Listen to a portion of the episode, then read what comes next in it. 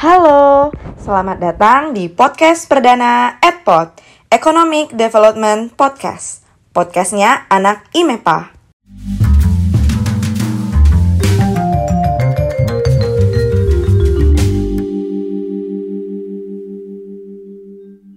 Jadi, podcast kali ini akan dibawakan oleh Nata dan Viva dalam, dalam tesis Talking Economic Series. Oke, pada episode ini kita mau nemenin waktu luang kalian nih dengan info menarik yaitu membahas informasi seputar IMEPA dan jurusan Ekonomi Pembangunan. Tentunya tidak hanya kami ada di sini, kita bakal bincang-bincang bareng Ketua Umum IMEPA 2021 yaitu Kak Ahmad Trisnajati. Halo Kak, Halo, Kak. apa, kabar? apa kabar? Alhamdulillah baik. Kalian apa kabar? Alhamdulillah, Alhamdulillah baik. baik juga. Gimana kuliahnya Kak? Lancar? Alhamdulillah lancar juga deh. Uh, sekarang lagi liburan. Lagi liburan gini, kesibukannya ap ada apa aja Kak? Uh, kalau kesibukan liburan gini, sebenarnya nggak terlalu banyak sih. Karena lagi libur juga. Paling cuma ngurus organisasi aja. Ngurus organisasi INEPA, dan juga beberapa hal lain kayak uh, nyiapin judul buat skripsi karena udah semester akhir. Aja. Oh, jadi liburannya masih sibuk juga ya Kak mikirin hal lain? Hmm, bisa dibilang sih sedikit, tapi jangan terlalu dibebani. Kita harus bawa relax aja biar nggak kepentingan. Bener banget tuh. Oh ya, langsung aja nih ke pertanyaan pertama ya Kak. Menurut Kakak, IMEPA itu apa sih? Oke, IMEPA ya. IMEPA itu tuh kalau singkatannya ya, singkatannya dari Ikatan Mahasiswa Ekonomi Pembangunan. Nah, IMEPA ini itu merupakan organisasi eksekutif tertinggi di tingkat mahasiswa di jurusan Ekonomi Pembangunan. Nah, IMEPA itu sendiri selain sebagai organisasi yang ada di IMEPA, tentunya itu merupakan perwakilan mahasiswa jurusan Ekonomi Pembangunan dalam menyerap, menampung, dan menyalurkan aspirasi mahasiswa ekonomi pembangunan. Seperti itu, gambaran dari IMEPA FO Unsri. Oh, jadi intinya organisasi IMEPA ini merupakan organisasi perwakilan sebagai wadah dalam menampung aspirasi mahasiswa ekonomi pembangunan ya, Kak? Iya. Oke, buat pertanyaan selanjutnya nih, Kak. IMEPA itu kapan sih, Kak, pertama kali dibentuk? Oke, IMEPA itu sendiri uh, itu ditetapin pada tahun 2016. Tapi kalau didiriin tentunya pada tahun 1993 dengan nama Himepa. Nah, kalau dulu itu namanya Himepa, uh, sebelum tahun 2016 itu ada dua, Himepa Kampus Bukit dan juga Himepa Kampus uh, Indralaya. Nah, ini Kak mau nanya dulu nih. Ini adek uh, dari kampus Indralaya atau Palembang? Kalau Viva dari Palembang, Kak. Kalau Nata juga dari Palembang, Kak. Oke, nah kalau dulu uh, Himepanya itu ada di Palembang sama Indralaya, tapi sejak tahun 2015 itu digabung jadi satu namanya IMEPA FE Unsri. Jadi digabung nih antara IMEPA yang kampus Palembang dan juga kampus Indralaya digabung sehingga jadi kayak sekarang anak-anaknya digabung seperti itu. Hmm. Oh, ternyata lumayan panjang juga ya Kak sejarah IMEPA bisa jadi kayak sekarang. Berarti sejauh ini IMEPA itu udah cukup lama ya Kak berdirinya? Iya, udah cukup lama kalau dari sekarang. Itu kan kalau dibentuknya Kak. Kalau untuk visi misi, apa sih yang bikin IMEPA itu beda dari organisasi lain? Oke, kakak jelasin visi misi yang periode sekarang aja ya. Iya kak, boleh. Oke, nah sebenarnya nggak jauh-jauh juga sih dari visi misi yang ada di MEPA. Tentunya kalau visi dari MEPA periode sekarang itu, eh bentar, bentar, kakak jelasin tentang kabinet dulu ya. Iya boleh kak. Oke, di uh, periode sekarang uh, kami itu namain kabinetnya yaitu kabinet Phoenix. Nah, tau nggak kabinet Phoenix itu apa? Nggak tahu tuh, apa kak? Oke, nah kabinet Phoenix itu sendiri itu tuh terinspirasi dari burung Phoenix, yang mana burung Phoenix itu itu tuh merupakan burung abadi yang hidupnya kalau misalnya sampai seribu tahun dia tuh bakal mati tapi tapi nggak mati, dia cuma jadi abu, kemudian dia uh, bakal hidup lagi jadi burung Phoenix yang baru. Nah seperti itu gambaran dari burung Phoenix. Nah, ngerti nggak maksudnya apa? Iya kak, ngerti. Jadi uh, kabinet ini membara dan abadi gitu ya kak? Iya, membara dan abadi. Nah, salah satunya seperti itu. Jadi teman-teman dari MEPA itu merupakan gambaran dari gambaran dari kabinet finish itu sendiri, yaitu membara dan juga abadi sebagai oleh silaturahmi IMEPA itu sendiri. Nah, mungkin kakak masuk ke visi misi ya? Iya, langsung aja kak. Nah, visinya tadi, uh, IMEPA FO Unsri itu sebagai wadah dalam mewujudkan mahasiswa EP yang profesional, kreatif, inovatif, dan juga kritis. Nah, di sini dari misi tersebut itu ada misinya yaitu membentuk internal EP Unsri dengan menjunjung tinggi profesionalitas dan berintegritas dalam semangat asas EP FO Unsri. Kemudian yang kedua, mengkreasikan poker-poker unggul sebagai media dalam pengembangan akademik dan non-akademik mahasiswa EP FO Unsri, lalu menciptakan iklim yang kritis dengan paham dan peka terhadap isu-isu ekonomi terkini. Nah, mungkin uh, yang ada pembedanya dengan organisasi lain itu ada berintegritas dalam semangat asas EPF Unsri. Nah, itu kita di DEP itu mempunyai asas tiga, tiga asas isi dari asas ini. Yang pertama kekeluargaan, kebersamaan, rasa saling memiliki. Nah, buat teman-teman EP pasti tahulah asas ini gimana uh, diterapin dalam EP itu sendiri.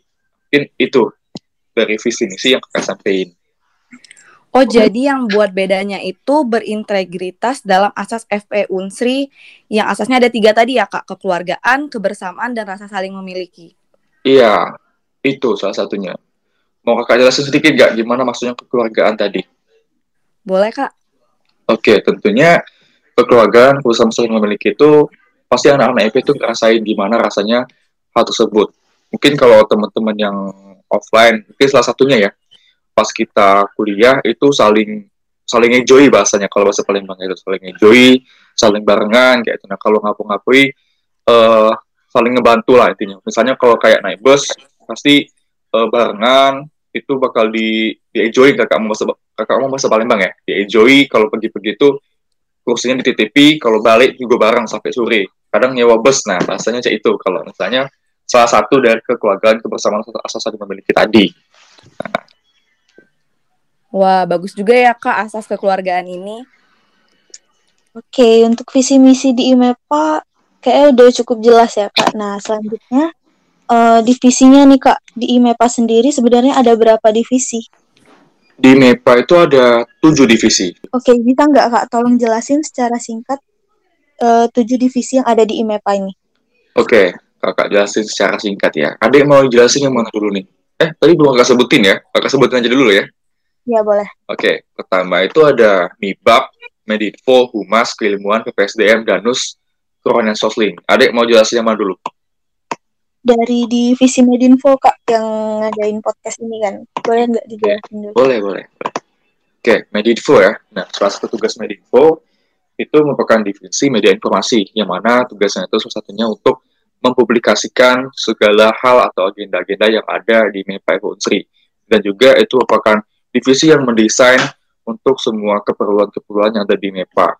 Nah, salah satunya juga uh, poin kreatif dari Medinfo ini ini ngadain podcast ini kan. Nah, kemudian ada hmm. juga agendanya yaitu uh, desain training project. Tentunya ini bakal diadain untuk uh, buat anak-anak pintar ngedesain. Itu salah satu proker dari Medinfo. Berarti Medinfo cocok banget ya kak buat anak-anak yang suka ngedesain sekaligus kayak publikasi informasi gitu. Iya, tentunya cocok banget. Oke. Hmm. Divisi apa lagi nih? Hmm, Mibak boleh. Mibak. Oke, Mibak itu divisi minat dan bakat sebagai divisi yang menampung uh, kreativitas dan juga minat bakat anak-anak YPF Unsri. Misalnya kayak uh, olahraga, kayak seni, dan juga lain-lain ya. Misalnya kayak e-sport juga. Nah, misalnya di Mibak ini itu uh, baru sekarang ngebuat namanya komunitas etol. Jadi etol ini kayak menampung uh, kreativitas anak-anak biar menjadi ada, maksudnya tuh dalam dalam hal artian ada yang pinter olahraga, ada yang pinter sport, ada yang pinter seni ini itu ditampung. Jadi ketika ada lomba itu bisa difasilitasi dan bisa diarahin nah, seperti itu. Dan juga di bakti sendiri kita ngadain poker untuk anak-anak EP, misalnya untuk olahraga kayak pop namanya.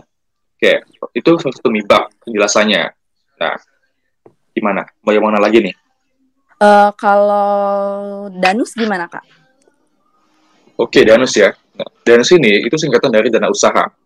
Nah, Danus ini sendiri itu divisi yang uh, bertugas untuk mencari dana dan keperluan organisasi secara halal. Nah, situ berarti Danus itu berjualan, mencari uh, ke, uang, intinya uang ya, duit cuan eh, untuk IMEPA. Tuh kalau Danus. Oke. Oke, langsung aja ke divisi selanjutnya, Kak. Oke, boleh langsung ya. Tadi Mibak udah, Medinfo udah, Danus udah, ke Humas. Nah, Humas itu divisi yang Humas hubungan masyarakat tentunya divisi yang uh, berhubungan dengan masyarakat dan juga mahasiswa. Nah, misalnya dari Humas sendiri, dia tuh salah satunya kewajibannya tuh memahami uh, bertanggung jawab dalam birokrasi uh, birokrasi dari IMEPA itu sendiri. Nah, misalnya kalau misalnya ada surat nyurat, ada undangan itu masuk ke humas dulu. Setelah masuk ke humas baru ke sekretaris dikonfirm lalu dikirim ke ketum untuk dipastikan itu benar atau tidak atau cocok untuk uh, diikuti. Nah, kemudian juga uh, salah satu proker humas ya misalnya ya untuk yang uh, masyarakat. Nah, salah satunya itu mereka itu uh, mengadakan kunjungan kerja dengan Unja kemarin sehingga itu menambah relasi kita sehingga menambah relasi kita untuk mengadakan poker-poker, mengadakan segala hal itu bisa mudah dijalani. Itu salah satunya. Ini kakak lanjut atau gimana? Lanjut ya? lanjut aja kak. Oke, kakak lanjut ya. Ini kemudian kita ke keilmuan. Nah, keilmuan ini merupakan divisi yang bertanggung jawab dalam uh, bidang akademik yang ada di EPF Unsri. Nah, misalnya kalau misalnya ada agenda lomba yang berkaitan dengan akademik, ya dari keilmuan ini mereka adalah orang yang uh, menginformkan ke anak-anak untuk ada lomba agenda tersebut. Nah, misalnya segala hal tentang akademik, tentunya dari keilmuan bakal menyampaikan ke anak-anak PP Unsri. Itu. Nah, lalu uh, kemudian dalam hal poker ya, mungkin poker, ini nanti ada poker besar dari keilmuan yaitu Edge Fair. Nah, Edge Fair ini sendiri tahun ini bekerja sama sama NIMBA, di mana ada lomba akademik dan non akademik. Nah, di akademik ini ada lomba debat, ada lomba kira tulis, nah, ada lomba lain-lainnya nanti. Tentunya bakal menarik yang ada di EP ini sendiri. Oke, itu keilmuan. Kakak lanjut lagi ya, atau mau ditanya tentang keilmuan? Boleh lanjut aja kak. Oke, lanjut ya. Ke kerohanian sosling. Nah, kerohanian sosling ini atau kerohanian sosial lingkungan tentunya divisi yang uh, harus meningkatkan skill, maksud saya meningkatkan jiwa rohani dan jiwa kesosialan dalam diri kita. Nah, seperti itu. Paham nggak maksudnya gimana? Uh, enggak tuh kak, bisa dijelasin nggak? Oke, okay, misalnya gini. Misalnya dari kawan sosling ini, itu ngadain kemarin agenda IMEPA, Charity Indonesia atau I'm Charion. Nah, dari agenda ini, kita tuh meningkatkan skill untuk peduli kepada masyarakat. Sehingga ke panti asuhan kemarin kita mengadakan open donasi, kemudian kita berdonasi ke panti asuhan tersebut. Nah, dari situ sendiri tentunya kita tuh meningkatkan uh, jiwa kerohanian kita. Maksud saya jiwa sosial lingkungan kita. Nah, dari dari kerohanian ya, itu kemarin ngadain kayak uh, one week one juice. Nah, itu boleh tuh diikutin. Nah, di situ juga itu bisa meningkatkan uh, kerajinan kita. Maksudnya itu dalam hal ibadah, baca Al-Quran itu kan baik untuk kita. Nah, itu salah satu penjelasannya. Okay. Uh, eh, ternyata banyak juga ya kak program kerja yang menarik dan bermanfaat di masing-masing divisi IMEPA. Oke okay, deh. Contohnya kayak tadi kakak sebutin kan di divisi MIBAK kayak banyak ngadain perlombaan, divisi Medinfo yang ngedesain dan publikasi informasi. Dan yeah. juga buat ilmuwan tadi bikin perlombaan karya tulis sama bikin kajian-kajian ekonomi yang sebenarnya sangat bermanfaat buat anak-anak ekonomi yang lain kan. Iya, benar Berarti IMEPA itu udah nyiapin berbagai proker yang menarik ya kak di divisinya. Tinggal kita sendiri yang pilih nih mau jalani proker yang mana kan. Yuk, nah dek, mungkin tadi kita kelewatan satu dek, satu divisi dek. Nah. Oh iya ya. Bener banget satu kelewatan divisinya. Mau tau nggak divisi apa ini? Kayak PPSDM ya. Nah PPSDM itu hal yang penting banget kita lewatin. Tapi sengaja kok itu merupakan uh, kita sengaja lewatin ya biar kelihatan kayak surprise. Iya, udah boleh kak. Oke, okay, ya, PPSDM. Oke, okay, PPSDM ya. PPSDM, PPSDM itu tentunya kalau PPSDM itu atau Human Resource Development HRD ya namanya. Kalau di organisasi lain, mungkin segala organisasi itu penting yang namanya HRD karena hmm. atau PPSDM namanya ya. Nah, tentunya hal ini penting itu karena mereka itu merupakan jantung organisasi. Misalnya kalau misalnya agenda peningkatan skill mahasiswa, peningkatan minat keaktivitasan mahasiswa dari uh, IMEPA itu sendiri, HRD ini salah satu yang berpenting misalnya dari maksud saya PPSDM ya namanya kalau di MEPA. Nah, jadi PPSDM ini sendiri kalau nggak salah satu hal pokoknya itu pelatihan manajemen organisasi. Ya, dari uh, dari pokoknya juga tentunya meningkatkan skill mahasiswa dalam berorganisasi. Yaitu dari PM sendiri yang bakal diadain nanti itu ada materi kepemimpinan, keorganisasian, ada materi uh, birokrasi dan juga teknik sidang. Itu salah satu skill untuk meningkatkan uh, salah satu program yang meningkatkan skill mahasiswa melalui pelatihan manajemen organisasi itu.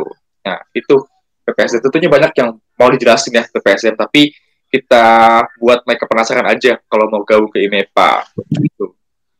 Iya, berarti PPSDM ini cukup penting ya kak, karena dia uh, berurusan langsung untuk open recruitment buat anggota baru ya kak. Iya, banget. Oke, setelah bahas tentang IMEPA tadi, selanjutnya kita bahas tentang jurusan ekonomi pembangunan yuk. Di sini mungkin banyak adik-adik yang nantinya pengen kuliah di Fakultas Ekonomi, tapi bingung mau ngambil jurusan apa. Nah, jurusan ekonomi pembangunan ini siapa tahu bisa jadi salah satu referensinya. Coba Kak Trisno jelasin, jurusan ekonomi pembangunan itu jurusan yang seperti apa sih? Oke, jurusan ekonomi pembangunan. Nah, jurusan ekonomi pembangunan ya, kalau di Unsri sekarang fakultas ekonomi jurusan ekonomi pembangunan itu akreditasinya udah A. Nah, kalau misalnya kita masuk ke ekonomi pembangunan ya, mungkin jelas secara general dulu. Nah, ekonomi pembangunan itu merupakan salah satu cabang dari ilmu ekonomi yang mana itu khusus mengkaji tentang persoalan-persoalan pembangunan. Nah, baik itu dalam sektor uh, keuangan, perbankan, industri, bisnis dan lain-lain. Nah, dari uh, pembangunan ini sendiri itu merupakan salah satu perkuliahan yang mana kita tuh fokus untuk memahami juga tentang peka harus peka terhadap isu-isu ekonomi nasional yang mana uh, untuk misalnya menganalisa berbagai persoalan ekonomi mulai dari pertumbuhan sektor industri, ekspor dan impor, investasi domestik dan berbagai hal yang berhubungan erat dengan kegiatan perekonomian nasional. Nah, jadi uh, ekonomi pembangunan itu sendiri itu bisa dibilang kita itu sebagai seorang perencana dan juga analisa dalam hal perekonomian. Nah, mungkin itu mungkin kak sebutin beberapa konsentrasi yang ada di EP nggak apa-apa ya salah satunya ya. Oke, boleh kak. Oke, nah mungkin ada ekonomi moneter, ekonomi internasional, ada ekonomi industri, ada uh, ekonomi keuangan daerah, ada ekonomi pertanian dan banyak lagi yang ada konsentrasi yang ada di jurusan ekonomi pembangunan uh, eh, FO Unsri. Itu. Wah, berarti bagus juga ya Kak ekonomi pembangunan ini apalagi udah berek berakreditasi A. Iya, benar banget. Oke, dari definisi yang udah Kakak sebutin tadi, di luar sana itu masih banyak nih Kak yang salah persepsi tentang jurusan ini. Mereka pikir yang dipelajari di ekonomi pembangunan itu cuma tentang pembangunan-pembangunan biasa. Padahal kan sebenarnya bukan cuma itu kan Kak. Bisa dijelasin nggak sebenarnya mata kuliah di ekonomi pembangunan itu ada apa aja? Iya, benar banget nih. Mungkin kita cerita sedikit ya tentang kita masuk EP nih ya. Kak, iya. gini lucu sebenarnya dulu tuh.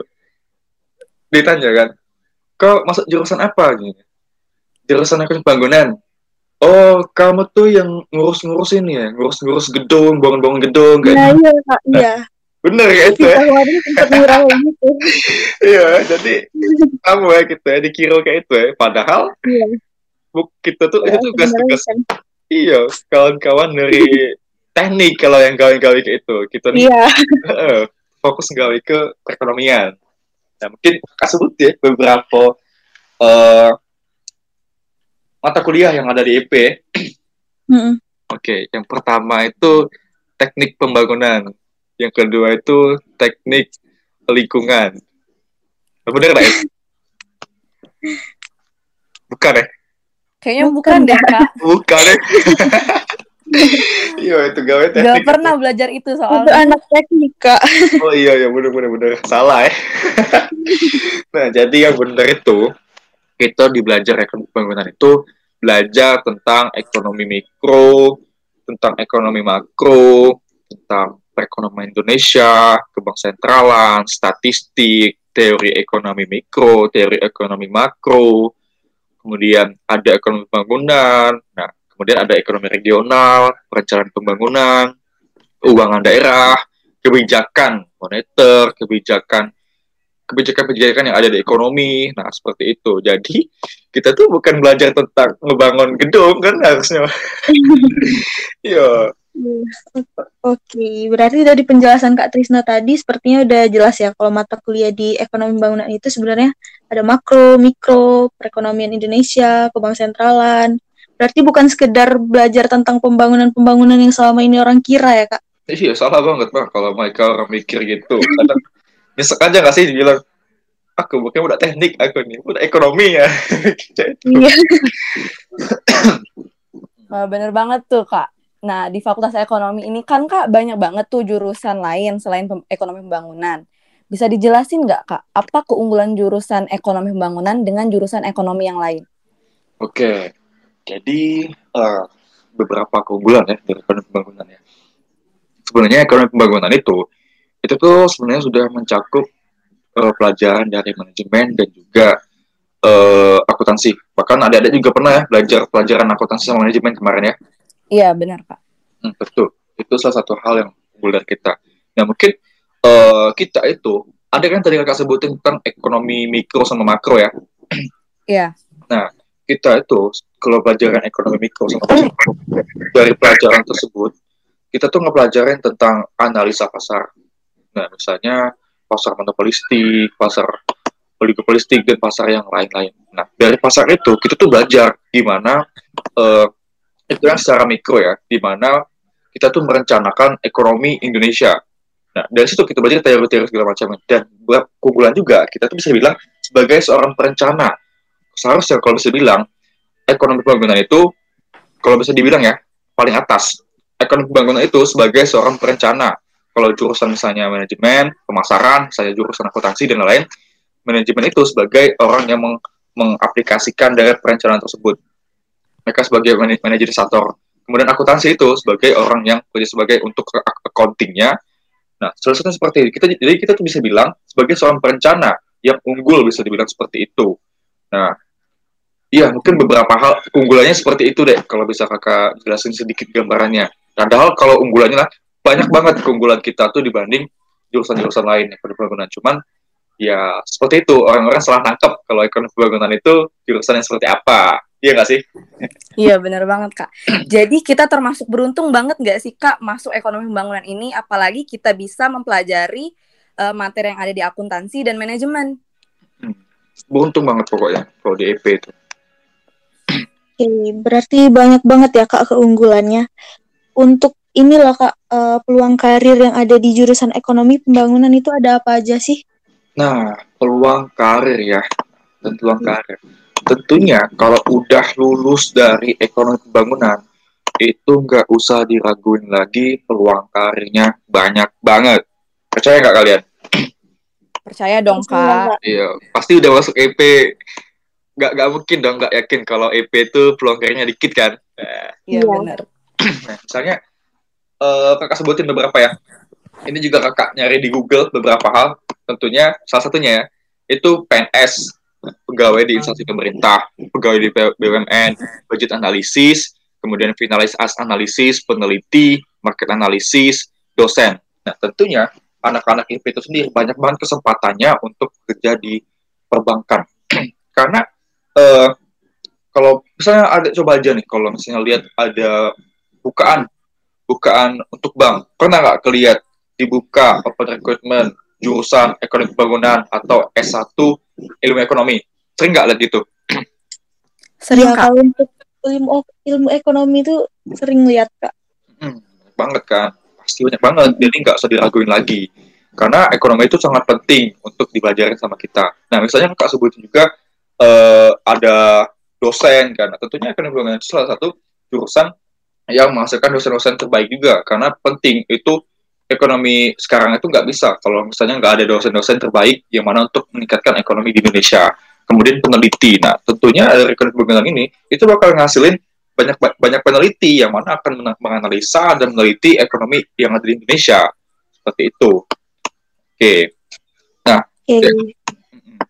kalian mau tahu nggak uh, salah satu beberapa alumni keren ekonomi pembangunan yang ada di Unsri. Boleh disebutin nggak? Nah, kakak sebutin ya. Pertama itu sekarang itu ada Pak Agung Firman Saputra. Tahu nggak dia siapa? Kurang tahu kak.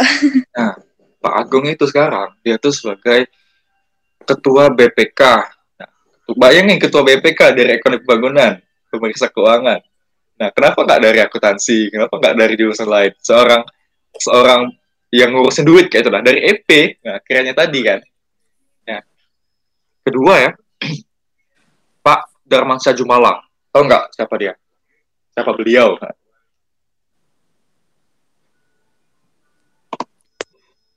Wah, siapa itu, Kak? Oke, pasti kalian nggak tahu ya.